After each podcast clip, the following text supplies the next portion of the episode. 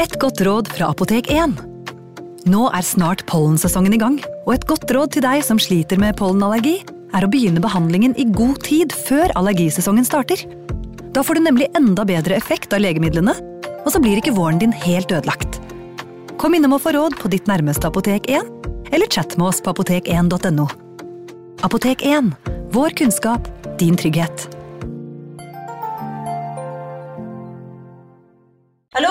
Jeg kommer fra Oslo politikammer. Ine Jansen er purk. Er du purk? The motherfucking bitch. Alt jeg vil, er å finne ut hva som skjedde med mannen min. Jon Carew. Er jeg sikta for noe? Iben Akeli. Det er du.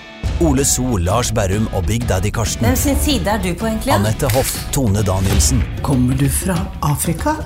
Jørnis Josef, Nesten. Kløfta. Trond Espen Seim, Det er synd å si det, men det var feil mann som døde. Purk. Premiere tirsdag på TV2 Play. Advarsel. I denne podkasten vil du høre historier basert på informasjon programlederne har funnet selv. Programlederne står ikke nødvendigvis inne for meninger og syn som fremstilles. Noen påstander kan avvike fra virkeligheten.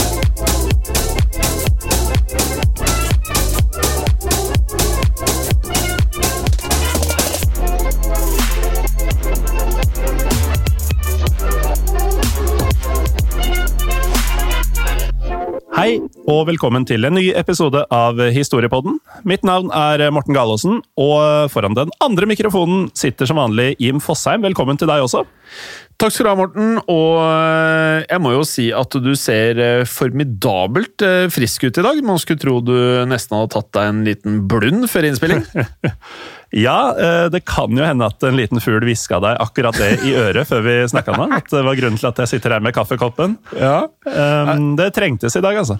ja. Nei, du ser ut som en million dollar, egentlig. Jeg har aldri sett deg så frisk. Nei, nå skal det jo sies at eh, jeg kanskje ikke har det mest sånn høyoppløselige webkameraet. eh, som da ikke tar med porer og ringer under øynene og sånn i samme, samme grad som kanskje ditt gjør. For du, Ja. du, du har sittet oppe en stund. Ja, eh, takk for det, Morten. Jeg kan jo si at eh, Google Meet, som vi da bruker, har jo noe filter som, eh, om det er moralsk eh, i disse dager forkastelig eller veldig riktig, det vet ikke jeg, men jeg føler meg i hvert fall freshere enn jeg hadde sett ut hvis du hadde vært der i levende live.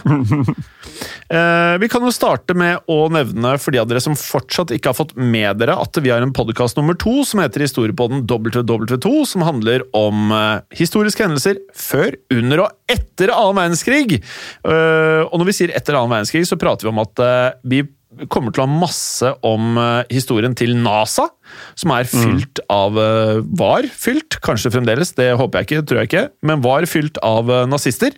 Mm. Forskere fra Nazi-Tyskland, og så har vi annet masse om tiden før annen verdenskrig. Og vi beveger oss også innom Cuba-krisen og veldig mye annet som er relaterbart til hendelsene som skjedde under annen verdenskrig. Det er helt riktig, og den podkasten finner du på Spotify og iTunes og alle disse andre åpne avspillerne ved å søke historiepodden WW2. Og hvis du er en av de som har eh, forslag til et bedre navn enn historiepodden WW2, så er ikke det feil det heller. Vi har fortsatt ikke fått ett forslag som gjør det enklere for oss, for publikum, å kunne søke opp podkasten på iTunes. Men nok om det. I dag så skal vi eh, dykke ned i en historie som ikke foregår så sent som annen verdenskrig, men lenge før. Eh, For vi skal tilbake til slutten av 1600-tallet og følge en eh, viss persons eh, vei innover til 1700-tallet. Og personen vi skal snakke om i dag, har flere navn, men er kanskje aller mest kjent under navnet Abram Petrovitsj Ganival.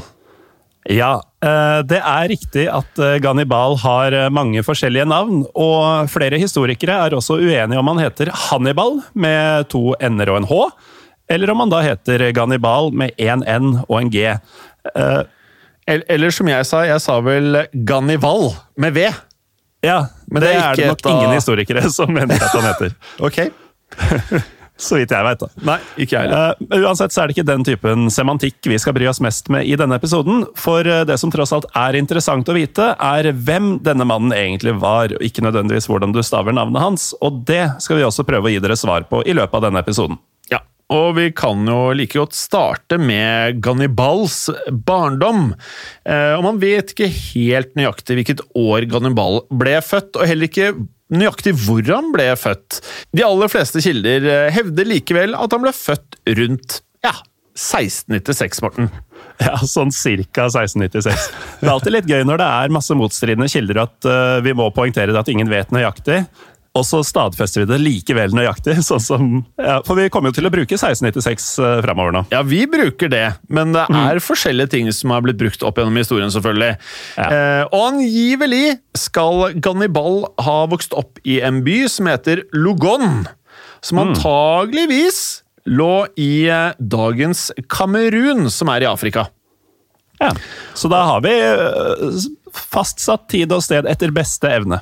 Ja, føles i hvert fall eh, sånn. Og Gannibals far han skal ha vært prins i denne byen, og Kannibal levde derfor sine første leveår i hva som kan kalles velstand. Det gjorde han, men eh, det varte likevel ikke spesielt lenge. For eh, allerede som sjuåring, eh, som da kanskje blir i 1703, så ble nemlig Gannibal kidnappet av noen arabere som ønska å selge han videre som slave. Og Den vanlige måten å frakte slaver på, var på denne tiden å binde dem sammen eh, på hendene og la dem da gå i lange rekker etter hverandre. Altså Det høres jo litt ut som en scene fra Django Unchained, eh, faktisk. Selv om det, det var en helt annen del av verden. Det gjør det. Um, og i og med at Gannibal ble kidnappet i nærheten av Kamerun, eh, og kidnapperne skulle selge slavene sine i Zanzibar, Eh, så snakker vi da om eh, altså henholdsvis vestkyst og østkyst av det afrikanske kontinent. Det er en ganske strabasiøs og krevende ferd for den sju år gamle gutten. Ja, for å si det mildt. Eh, fordi man mener da at han måtte ha gått til fots i over 3000 km. Au! Ja, og det er ikke noe du og jeg hadde klart selv i voksen alder, tror jeg. Nei, det tror ikke jeg heller. Det var faktisk en fyr eh, her i Norge som gikk fra uh, Lillestrøm til Kristiansund. Det brukte han over tre uker på. Det er uh, litt over 50 mil, og beina hans har vært helt maltraktert siden. Uh, og det er bare Det er ingenting i forhold. Ja, for han her gikk jo disse 3000 km på noe man anslår var pluss-minus tolv måneder, altså et helt år! Mm. Eh, og da begynner det å bli ganske mye verre enn han som gikk fra Lillestrøm, der du nevner. Ja. Uh, og så kan man jo bare se for seg hvor lite mat og pleie som disse slavene her faktisk fikk på en slik reise. Uh, og det er i det hele tatt et under, føles det ut som at Gannibal overlevde nettopp denne reisen her, da. Mm. Og likevel så gjorde han jo nettopp det, og etter tolv måneder i fangenskap så ble han på slavemarkedet solgt videre til en sultan en sultan i det osmanske riket, nærmere bestemt til Konstantinopel, som vi i dag kjenner som Istanbul i Tyrkia. Og Likevel så skulle oppholdet i eh, nettopp Konstantinopel det skulle bli kortvarig for eh, unge Gannibal.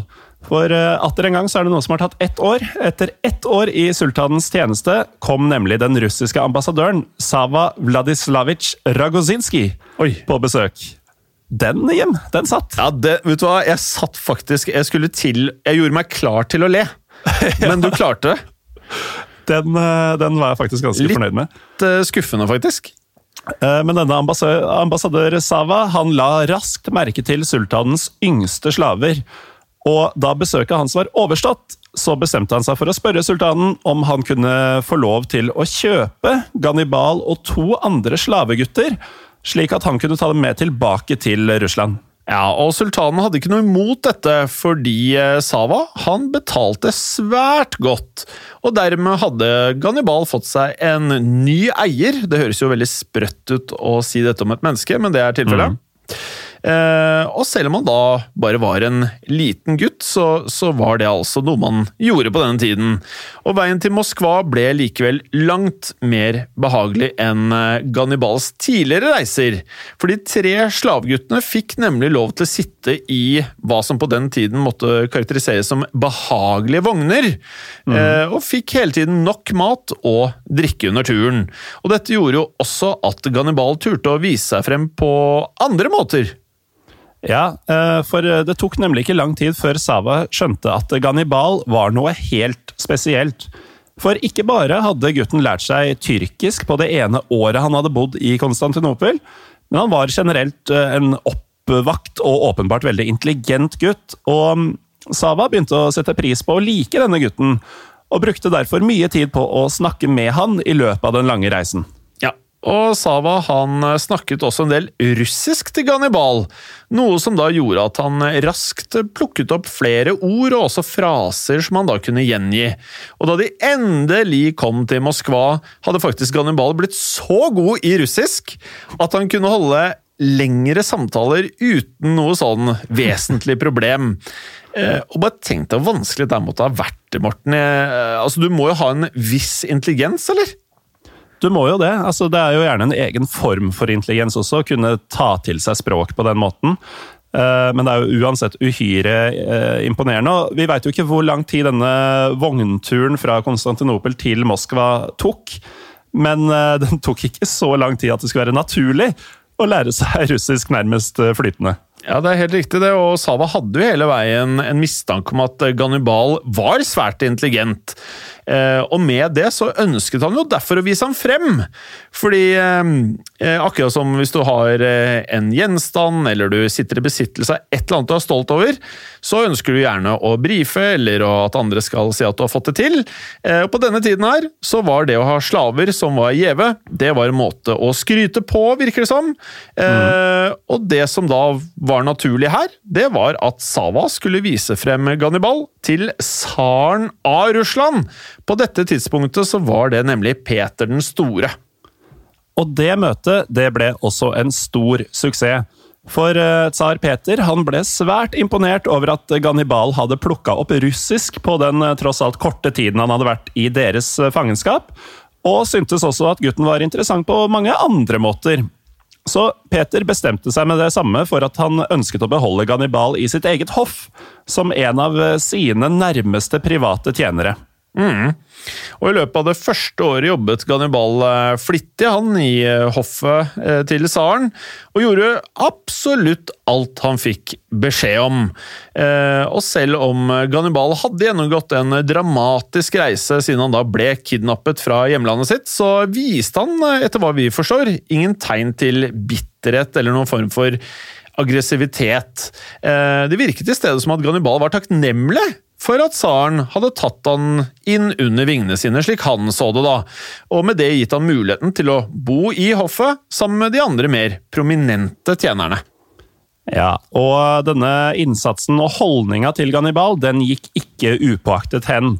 På slutten av det første året så var han allerede blitt Peter den stores eh, favoritt, og ble også behandlet eh, deretter. Så Peter selv han tilbrakte mye tid sammen med Gannibal, og introduserte Gannibal også for sin datter eh, Elisabeth. Og prinsesse Elisabeth og Gannibal de ble også raskt eh, gode venner, og lekte ofte sammen i palasset. Så Gannibal han var rett og slett eh, blitt som en del av storfamilien, selv om han riktignok fremdeles var en tjener og hadde da sine plikter. Han hadde det, Morten, og en av de pliktene du nevner, var å være med Peter ut på reiser, faktisk, til andre land. Og dette var på den tiden Russland da kjempet mot, av alle land, Sverige, for de av dere som ikke mm. vet det. Og det de kjempet om, var å ta tilbake kontrollen over flere områder i Østersjøen. Og dette gjorde jo også da at Peter reiste, ja, må jo si, en god del i denne perioden. Mm. Og ved sin side så hadde han alltid Gannibal, Morten. Så disse reisene skal da ha gjort et, eh, som vi da skjønner, det er jo fortsatt eh, en ung alder dette her, gjort sterke inntrykk på Gannibal, og vært med selvfølgelig å da forme den personen han ble. Ja, akkurat som reising gjør med både små og store mennesker eh, i vår moderne tid. Men det var jo sånn at på disse turene så fikk jo Gannibal se mye forskjellig, som han da aldri før hadde vært i nærheten av. Han fikk eh, oppleve imponerende byggverk, eh, storslåtte slag. Og dette gjorde at hans interesse for ingeniørfaget og for militær virksomhet skjøt i været. Og det var også på disse reisene at forholdet mellom Gannibal og Peter den store virkelig ble spesielt. Ja, det er veldig riktig det, fordi i 1705 så valgte Gannibal å la seg døpe inn i den russisk-ortodokse kirken, og Peter den store ønsket da å være hans gudfar. Ja. Ja, og det sier jo litt om hva slags bånd det er snakk om her. Eh, for det er jo litt vanskelig for oss å sitte her i dag og skjønne helt hvor ekstraordinært dette faktisk var på den tiden. Gannibal hadde tross alt ikke bare vært en slave nesten hele livet, Morten, men Gannibal var jo også mørk i huden, noe som ikke var ansett som korrekt for en tsar på denne tiden i Russland og la seg assosiere med i det hele tatt. Likevel så klarte Gannibal da å komme seg inn i tsarens hjerte. Og da kan man bare forestille seg hva slags personlighet Gannibal hadde. Ikke sant? Eh, og så kan vi jo legge til at eh, det var eh, i forbindelse med denne dåpen at Gannibal fikk navnet Petrovic. Som da er en hyllest til hans gudfar Peter den store. Altså Petrovic betyr vel i praksis noe sånt som sønn av Peter, eller Petersønn. Um, og De neste årene så sto Gannibal sammen med tsaren og hans familie i tykt og tynt, og måten han ble behandlet på, førte da til at Gannibal ble svært lojal mot Russland og for tsardømmet for øvrig. Ja, det stemmer. Og i løpet av uh, denne tiden her, da, så sørget også Peter for at Gannibal fikk undervisning i en rekke forskjellige fag som ikke var vanlig selv for det russiske folk. Og mm. Peter hadde da en mistanke, han, om at Gannibal ville gjøre det spesielt godt i språk og matematikk, Morten. Ja, og det er jo ikke unaturlig, i hvert fall det med språk, ut fra det vi allerede vet om Gannibal. Nei, eh, og han fikk jo denne mistanken bekreftet, eh, Peter. For ikke bare tok Gannibal disse fagene svært lett, men han hadde også en helt spesiell interesse for disse fagene. Han kunne nemlig sitte mange timer, eh, dag ut og dag inn, og regne ut matematiske problemer uten å kjede seg et sekund, hvilket veldig mange ville selvfølgelig gjort, da. Ja, det begynner å bli ganske klart at Gannibal var et helt spesielt barn. Det, det må man kunne si. Ja. Um, og I tillegg til denne utdanninga så måtte Gannibal fremdeles være med Peter på hans reiser rundt omkring i verden, og på en tur i 1716, uh, eh, og da er jo Gannibal pluss-minus 20 år, til Paris, så endret likevel alt seg for Gannibal. For da de ankom Paris, så ble Gannibal straks forelska i byen. Og spesielt i de ulike utdanningsinstitusjonene som du finner i Paris. For eh, Paris det var et mekka for alt som hadde med kunnskap og vitenskap å gjøre på denne tiden. Og Peter han la definitivt merke til Gannibals interesse for byen. Ja, han gjorde det. Og da de skulle reise fra Paris og dra tilbake til Russland, bestemte derfor Peter seg for å la Gannibal være igjen i Paris. Og Peter han eh, forklarte han at han ønsket at Gannibal skulle få seg en skikkelig utdanning i både matematikk og ingeniørfag, og på den måten ville Gannibal kunne bli en enda viktigere ressurs for Russland i fremtiden. Og Gannibal var selvsagt henrykt over nettopp dette, og han nølte ikke med å takke ja til dette tilbudet, selvfølgelig. Nei, selvfølgelig ikke. Han eh, hadde jo falt pladask for denne byen, og eh, etter ett år med studier i Paris, så ønsket Gannibal å fortsette videre med utdannelsen sin, men fikk da avslag fordi han ikke var fransk statsborger, og det var han selvfølgelig skuffet over. Men etter en prat med tsar Peter, så bestemte de sammen at eh, han skulle fortsette utdanninga si ved å verve seg til det franske militæret. Eh, ordentlig sånn eh, alternativ løsning på problemet ja. her. Uh, og der ville Gannibal kunne studere militær ingeniørkunst på nært hold, og samtidig få erfaring i krigføring. Ja, og eh, Gannibal viste seg fort som en dyktig soldat, og han jobbet seg etter hvert da opp til å bli kaptein. Uh, og det vi kan legge til her, er at Gannibal kjempet også på fransk side mot Spania i 1719 da når de to landene kriget over retten til Pyreneene, som da var fremdeles, eller også er, fjellkjeden som da dannet den naturlige grensen mellom de to landene. Mm. Og Gannibal han uh, viste seg å være en uh, tøffing, Morten. Mm. For til slutt så skulle det nemlig si stopp for Gannibal i denne krigen. For um, ikke bare ble han skadet i kampene mot spanjolene. Han ble også tatt til fange av dem også, som da holdt han fanget helt frem til 1722. Og det er jo ikke en kort periode å være fanget, eh, Morten. Nei, tre år som krigsfange, det tror jeg kjentes på 1700-tallet. Men øh, han var jo da skadet, han fikk en hodeskade. Uh, og etter dette så var det da vanskelig å være soldat, men han fikk da muligheten til å fortsette med sin utdanning på det franske militærakademiet La Fère. Og Der studerte han også frem til januar 1723, men uh, dette året så bestemte Peter seg for at uh, nå var det nok. Han ønska å få sin aller mest betrodde tjener og kompanjong hjem til Russland igjen.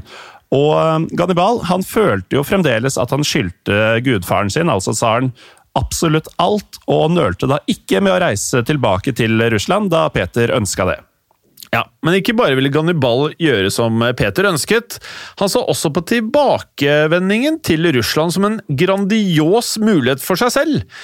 For Gannibal han hadde jo på dette tidspunktet ennå ikke rukket å fylle 30 år, Morten, og det høres ut som vi prater om en mann på 50 her, egentlig. Ja, kaptein og greier. Ja, og vært i fangenskap og lært seg språk og det ene og det andre. Mm. Eh, for selv om han hadde da skaffet seg en solid utdanning, og ikke minst denne erfaringen i militæret som du nevner, så mm. drømte han eh, mest av alt eh, om å komme seg inn i den keiserlige russiske hæren og gjøre karriere der. Ja, men det var likevel ikke som soldat at tsaren ønska å bruke Gannibal, og nøyaktig hva Peter ville med ham, det skal vi fortelle etter en kort eh, pause. Velkommen tilbake. Vi var eh, kommet frem til at eh, Abraham Petrovitsj Gannibal ville bli soldat i den russiske hæren, men at tsar Peter hadde andre planer for ham, det skal vi nå se på. Ja, da Gannibal kom tilbake til Russland, ble han nemlig straks hyret av Peter som hans personlige sekretær og fikk eh, bl.a. hovedansvaret for å oppdatere, organisere og generelt drive tsar Peter eh, sitt personlige bibliotek. Han eh, fikk likevel også muligheten til å bruke det han hadde lært om militær ingeniørkunst, som leder for flere storslåtte bygningsprosjekter i denne perioden. Ja, og i løpet av eh, den første tiden tilbake i Russland, så ledet Gannibal flere slike bygningsprosjekter, bl.a. byggingen av flere festninger i eh, landet. Og på toppen av alt dette fikk han også tid til å oversette flere utenlandske bøker, som Peter da selv hadde lyst til å lese. Mm. Så Gannibal han hadde plukket opp eh, såpass mange språk i løpet av sitt relativt korte liv, Morten. Ja. Og kunne derfor oversette fra både italiensk, fra fransk, nederlandsk og også tysk. Ja, og fransk eh, er jo naturlig, på en måte, siden han tross alt hadde vært der i noen år. Men eh, dette med Altså, vi vet allerede at han lærte seg russisk og tyrkisk som barn. Og um, italiensk, nederlandsk og tysk det har tydeligvis bare kommet som en del av pakka. Uh, det er jo et språkgeni vi snakker om her. og um, han var jo også svært produktiv eh, Gannibal, og som vi skjønner, veldig, veldig begavet. Og I tillegg til de pliktene som ble pålagt han av Peter, så fant han også tid til å skrive selv. For i denne perioden så skrev nemlig Gannibal sin egen lærebok, som het Geometri og fortifikasjon. Ja. Og denne boka den oppbevares eh, den dag i dag på det russiske vitenskapsakademiet i St. Petersburg. Ja, Man kan virkelig her Morten, si at eh, Gannibal eh, levde livets glade dager i denne perioden. Mm. Han fikk jo da lov til å bruke kunnskapen sin aktivt, og fikk eh, gode arbeidsvilkår fra Peter. Men det er likevel ofte slik i historie at lykken sjelden varer evig. Slik var også tilfellet med Gannibal. Det stemmer, Jim, for det er et eh, poeng som er viktig å få fram før vi fortsetter eh, denne fortellinga. For eh, Gannibal han hadde en høy status i Russland på denne tiden. Men det var jo først og fremst takket være tsar Peter, som virkelig hadde tatt han under vingene og løftet ham fram. Og han hadde jo da også blitt beskytta mot dem som, og dette nevnte du så vidt tidligere i episoden, Jim, at det var en del mennesker i Russland på denne tiden som mente at mørkhudede mennesker de hadde ikke noe å gjøre sammen med den russiske eliten. Ja, det er helt riktig, Morten, og derfor så ble Gannibals situasjon langt mer usikker i 1725. For i 1725, da døde Peter den store av et man må kunne kalle lengre sykdomsforløp. Ja, han hadde i lengre tid slitt med, med blære- og urinveisinfeksjoner. Eh, og dette skulle bli mye verre da han faktisk måtte ut i eh, kaldt vann og redde noen soldater fra å drukne, til tross for at han selv var syk. Eh, Og det gjorde disse infeksjonene langt verre, og mm, han døde da av dette i 1725. Og Gannibal var fullstendig klar over at dette kunne skape problemer for han og hans fremtid og rolle eh, i Russland. Men først og fremst så viet han sin energi til å sørge over gudfaren sin og det som da hadde vært beskytteren hans i alle disse årene. Eh, for Peter, eh, som man nå skjønner ut ifra historien så langt, eh, var mer eller mindre som en far for Gannibal. Eh, og det er derfor ikke vanskelig å skjønne denne sorgen som dødsfallet til eh, Peter brakte med seg foran. Ja, men eh, til tross for denne dype sorgen, så klarte likevel Gannibal seg fint, eh, i hvert fall de første to årene etter Peters død. Um, Katarina den første, som da hadde vært Peters kone, tok nemlig over makta i landet, og hun lot da Gannibal fortsette med sine plikter som vanlig. Um, Gannibal fikk også i denne perioden oppgaven med å undervise den neste tronarvingen, Peter den andre. Og etter to år slo det likevel en ny tragedie ned i Russland, da Katarina også døde. Og som tronarving ble dermed Peter den annen den nye tsaren i Russland. Men det var et problem her, Morten. Mm, det kan du trygt si, for han var ikke gamle karen på denne tida. Nei, han var ikke gamle karen. Vi husker jo at Gannibal han ble jo eh, Han lærte seg språket i sjuårsalderen, eh, men å lære det i elleveårsalderen for andre, det tror jeg ikke er like naturlig, for Peter den annen han var kun elleve år gammel, og derfor ikke i praksis uh, uh, Ja, altså han var ikke i noen posisjon til å styre Russland. Eh, og den oppgaven ble derfor gitt til Aleksandr Meshikov, som da hadde vært en av Peter den stores aller nærmeste rådgivere. Ja, og Alexander han kjente jo da godt til Gannibal og Gannibals historie, men han hadde alltid vært misunnelig på Gannibals eh, forhold til Peter. Og dessuten så var da eh, Alexander en av disse mange som mente at Gannibals bakgrunn fra Afrika gjorde han uskikket rett og slett til å være en del av den russiske eliten. Og det er også sannsynlig at Alexander følte seg truet av Gannibal, fordi Gannibal hadde langt høyere utdanning enn han selv. Ja, det her minner meg eh, litt om eh, Gladiatoren, altså filmen med Russell Crowe. Eh, hvor eh, kongen eh, selvfølgelig da favoriserer en som ikke er hans eh, sønn i blodsveien, men en som da er en flink type. Ja, og de forsmådde sønnene i de historiene de blir ofte litt vanskelig å ha med å gjøre. Ja, De er veldig vondbråten ofte.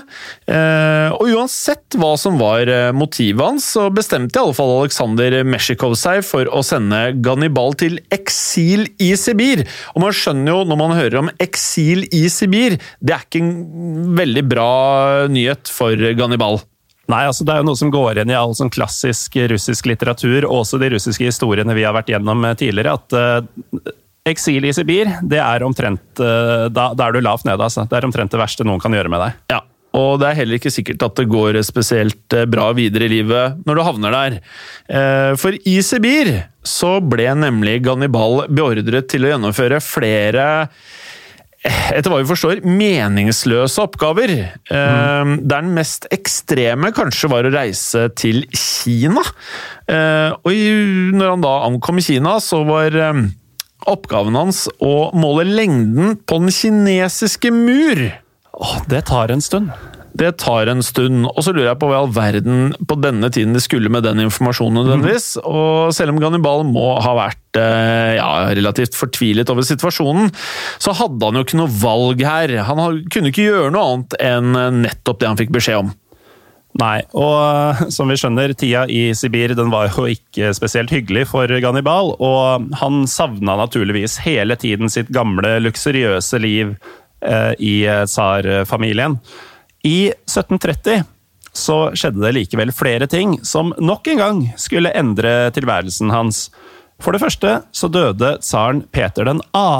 Eh, tidlig dette året, noe som gjorde at eh, hans søster Anna tok over makta i landet. Og den andre tingen som skjedde, var, eh, ja, som var langt mindre tragisk, det var at eh, Aleksandr Mensjikov, altså mannen som hadde sendt Gannibal i dette eksilet, selv ble fratatt all makt. For Alexander hadde på dette tidspunktet blitt anklaget for korrupsjon, og også misbruk av eh, egen makt. Og dermed så fikk han ja, Kan jo nesten si at han fikk smake sin egen medisin. Ja. For han ble nå selv sendt til nettopp Sibir. Og vi har allerede gjort rede for at det å havne i Sibir på denne tiden, og kanskje også i dag, ikke er bra for noen. Mm -hmm. og der skulle han være resten av sitt liv, faktisk. Ja, men det skulle ikke Gannibal. Ja. Nei! For Gannibal han ble nemlig benådet, og han ble også spurt om han ville returnere. Og Gannibal han var jo, eh, som vi kan forstå Han kunne jo blitt bitter, selvfølgelig, men han var overlykkelig over eh, å bli spurt. Eh, men valgte likevel å gjøre seg ferdig med de arbeidsoppgavene som ble tildelt. Og det sier jo noe om hva slags type han her er. Det er enorm gjennomføringsevne, og også da Altså, han, han må jo sette utrolig prestisje i det arbeidet han gjør. Ja, han må ha satt utrolige krav til seg selv. Altså, du, du, trenger ikke å drive med denne målinga av muren lenger. Eh, du er fri, du kan komme hjem. Nei, den er ikke ferdigmålt ennå. Jeg kommer om et par år. ja, og han, eh, når han var ferdig, som da var eh, omsider i 1733, så dro han da hjem. Ja, han kom altså hjem i 1733, og da, dersom vi tar utgangspunkt i 1696 som fødselsår, så er han da blitt 37 år gammel. Og Da begynte han straks å jobbe som ingeniør i den keiserlige russiske hæren. Og det var jo den keiserlige russiske hæren han ønska å jobbe i da han kom tilbake fra Frankrike eh, ca. ti år tidligere. I denne perioden så fant han også sin første kone, omsider, eh, som var en gresk kvinnehjem ved navn Evdokia Dioper. Ja. Ev Evdokia, tror jeg jeg hadde sagt.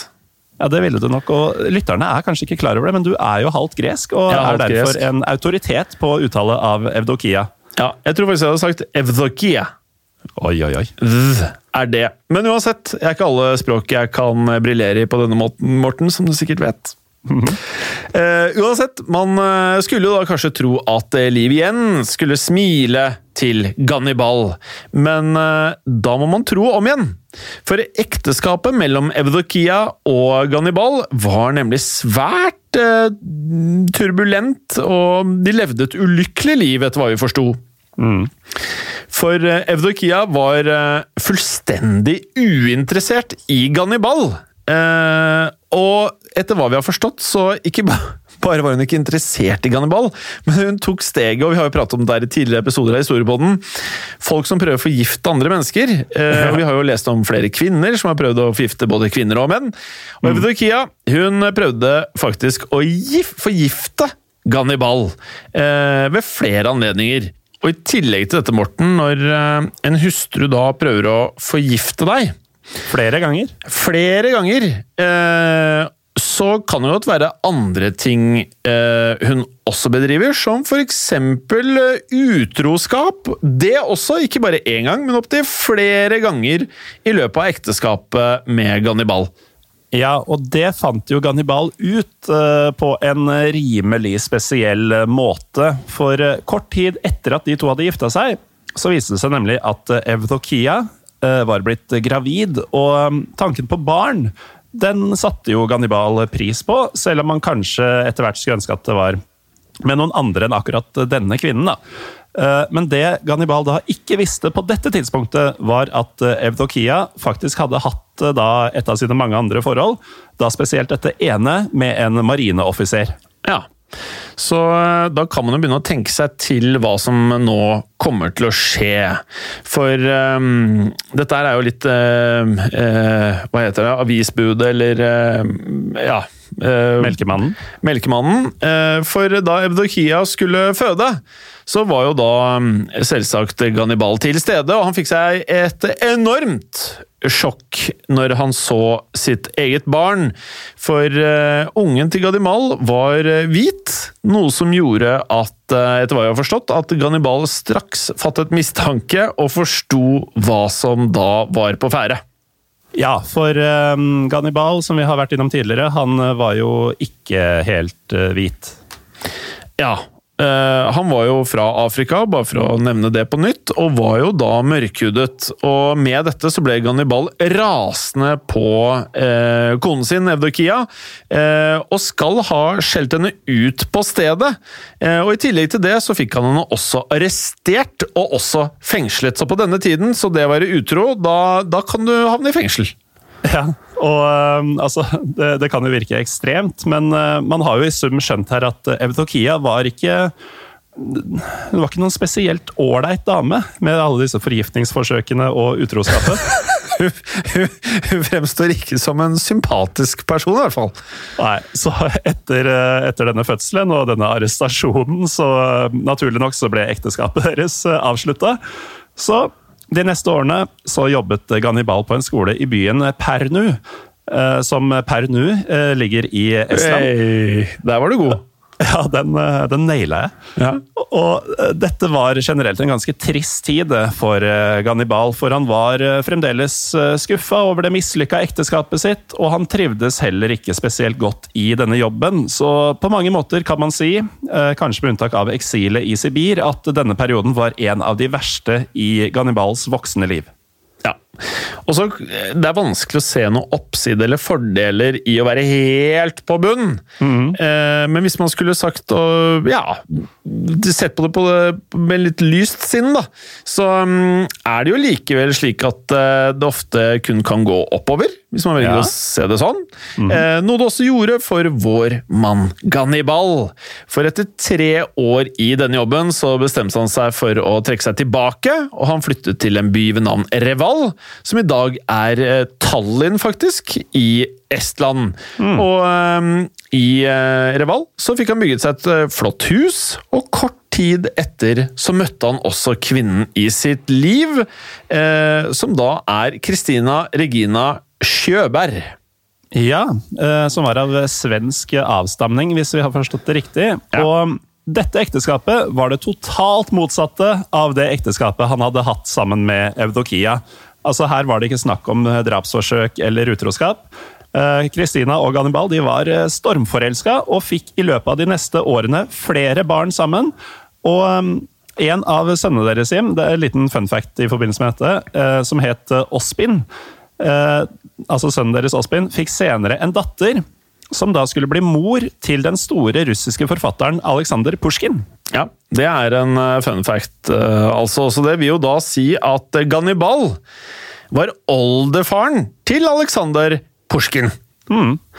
Og Pusjkin han regnes jo som en av Russlands aller, aller største poeter gjennom tidene. Eh, var jo også, ja, Han anerkjente også flere ganger dette familieforholdet, og var tydelig stolt over å være oldebarnet til Gannibal. Ja, og jeg tror ikke jeg har vært i en eneste, eneste tidligere postsovjetisk eh, stat um, uten at minst en gate eller en, um, et torv har hatt navnet Pushkin. Så han er svær i den delen av verden. Ja, og Det er ikke så vanskelig å forstå dette, Morten. For eh, når man hører om livet til Gannibal og alt han oppnådde, så skjønner vi at Pushkin var stolt av sin oldefar. Mm. Definitivt. Eh, men det var likevel ikke før i 1741 at han skulle bli en eh, legende i den russiske historien, Morten.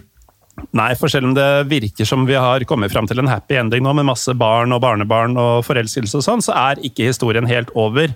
For i 1741 så døde nemlig også monarken Anna, og det var da klart for at eh, Elisabeth skulle ta over makta i landet. Og som vi husker, så hadde Elisabeth og Annibal vært gode venner som barn. Det var jo da denne Elisabeth som han lekte med i, eh, i palasset i eh, veldig, veldig gamle dager. Uh, og dette vennskapet hadde Elisabeth på ingen måte glemt da hun endelig fikk makta i landet. Nei, for på tross av at eh, Gannibal uttrykte et ønske om å forbli pensjonert, så kalte Elisabeth Gannibal tilbake til hoffet for å snakke med ham. Og på dette møtet, Morten, så gjorde Elisabeth det helt klart at hun ønsket at Gannibal skulle være en del av hoffet hennes, men at han fortsatt kunne få bo i Reval sammen med familien sin. Hmm. Og ikke bare skulle Gannibal få bo i denne byen, men Elisabeth gjorde Gannibal også offisielt til kommandant over nettopp Reval. Ja, og det kommandant i det tilfellet vil vel si omtrent som guvernør eh, i, eh, i, en stat i USA, f.eks. Um, og kommandantstillinga var heller ikke det eneste Elisabeth ga sin gamle venn. For året etter at hun hadde tatt over makta, så forfremmet hun også Gannibal til majorgeneral. Og de neste årene så bidro også Gannibal sterkt i arbeidet med fredsforhandlingene mellom Russland og Sverige. Eh, dette var fortsatt en strid mange tiår etter at han som barn hadde vært med på, på tokt der. Um, og da var han da uh, sittende som leder av en russisk delegasjon.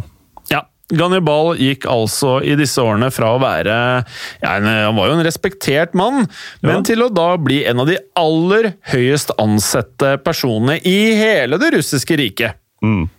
Og Elisabeth sørget da for at han fikk enorme rikdommer og også store mengder med eiendommer, som vi vet at uh, prominente folk på denne tiden da satt veldig pris på.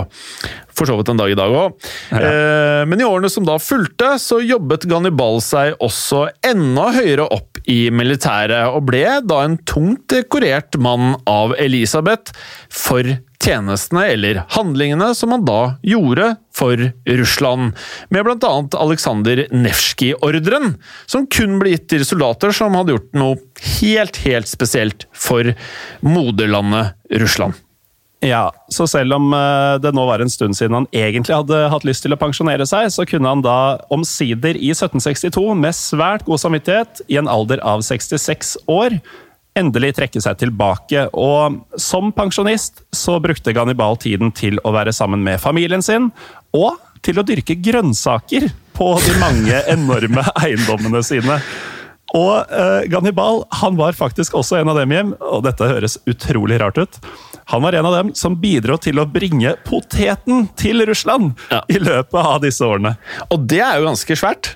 Det er ganske svært. Altså, men det er så morsomt at uh, han var en av dem som bidro til å bry... Altså, var det så vanskelig å hente poteter?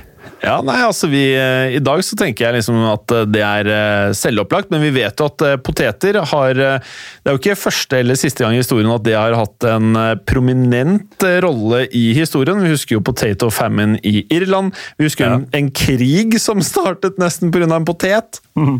Så, ja, jo, så poteter har vært viktige før? Ja, og poteter kommer til å være viktig igjen.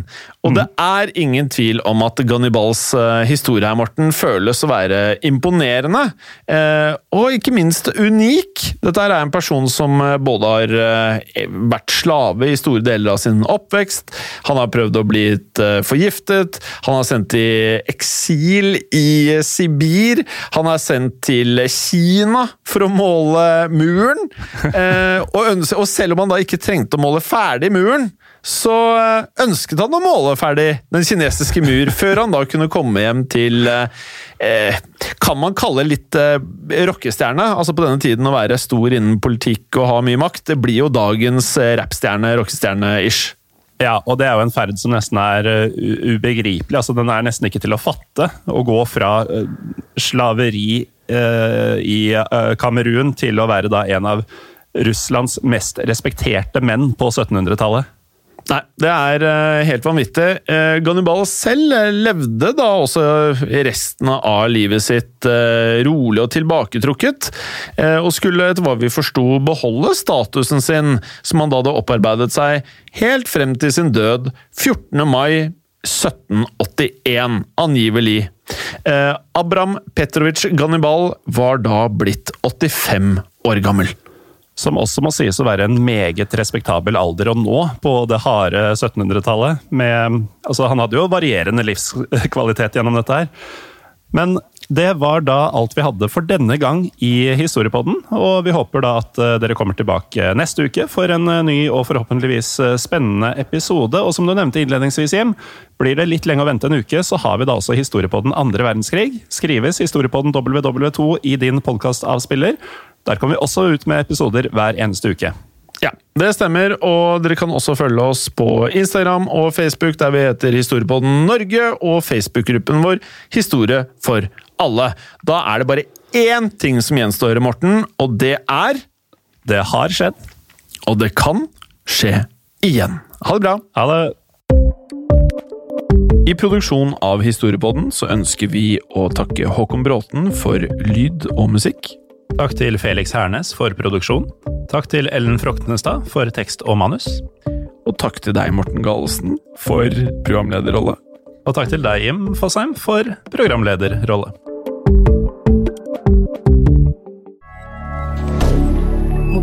Media. Har du et enkeltpersonforetak eller en liten bedrift? Da er du sikkert lei av å høre meg snakke om hvor enkelt det er med kvitteringer og bilag i fiken, så vi eh, gir oss her, vi. Fordi vi liker enkelt. Fiken superenkelt regnskap. Hei, og takk for at du lytter til Historiepodden. Skulle du ønske at du kunne høre en ny episode av Historiepodden hver eneste uke? Vel, da er det én ting å gjøre. Da kan du laste ned podkastappen Untold med det samme. For i tillegg til ukentlige episoder av podkaster som Historiepodden andre verdenskrig, Henrettelsespodden og også Gangsterpodden, så får du masse annet reklamefritt og også eksklusivt innhold. Last ned Untold i AppStore eller Google Play og start din 30 dagers gratis prøveperiode allerede i dag.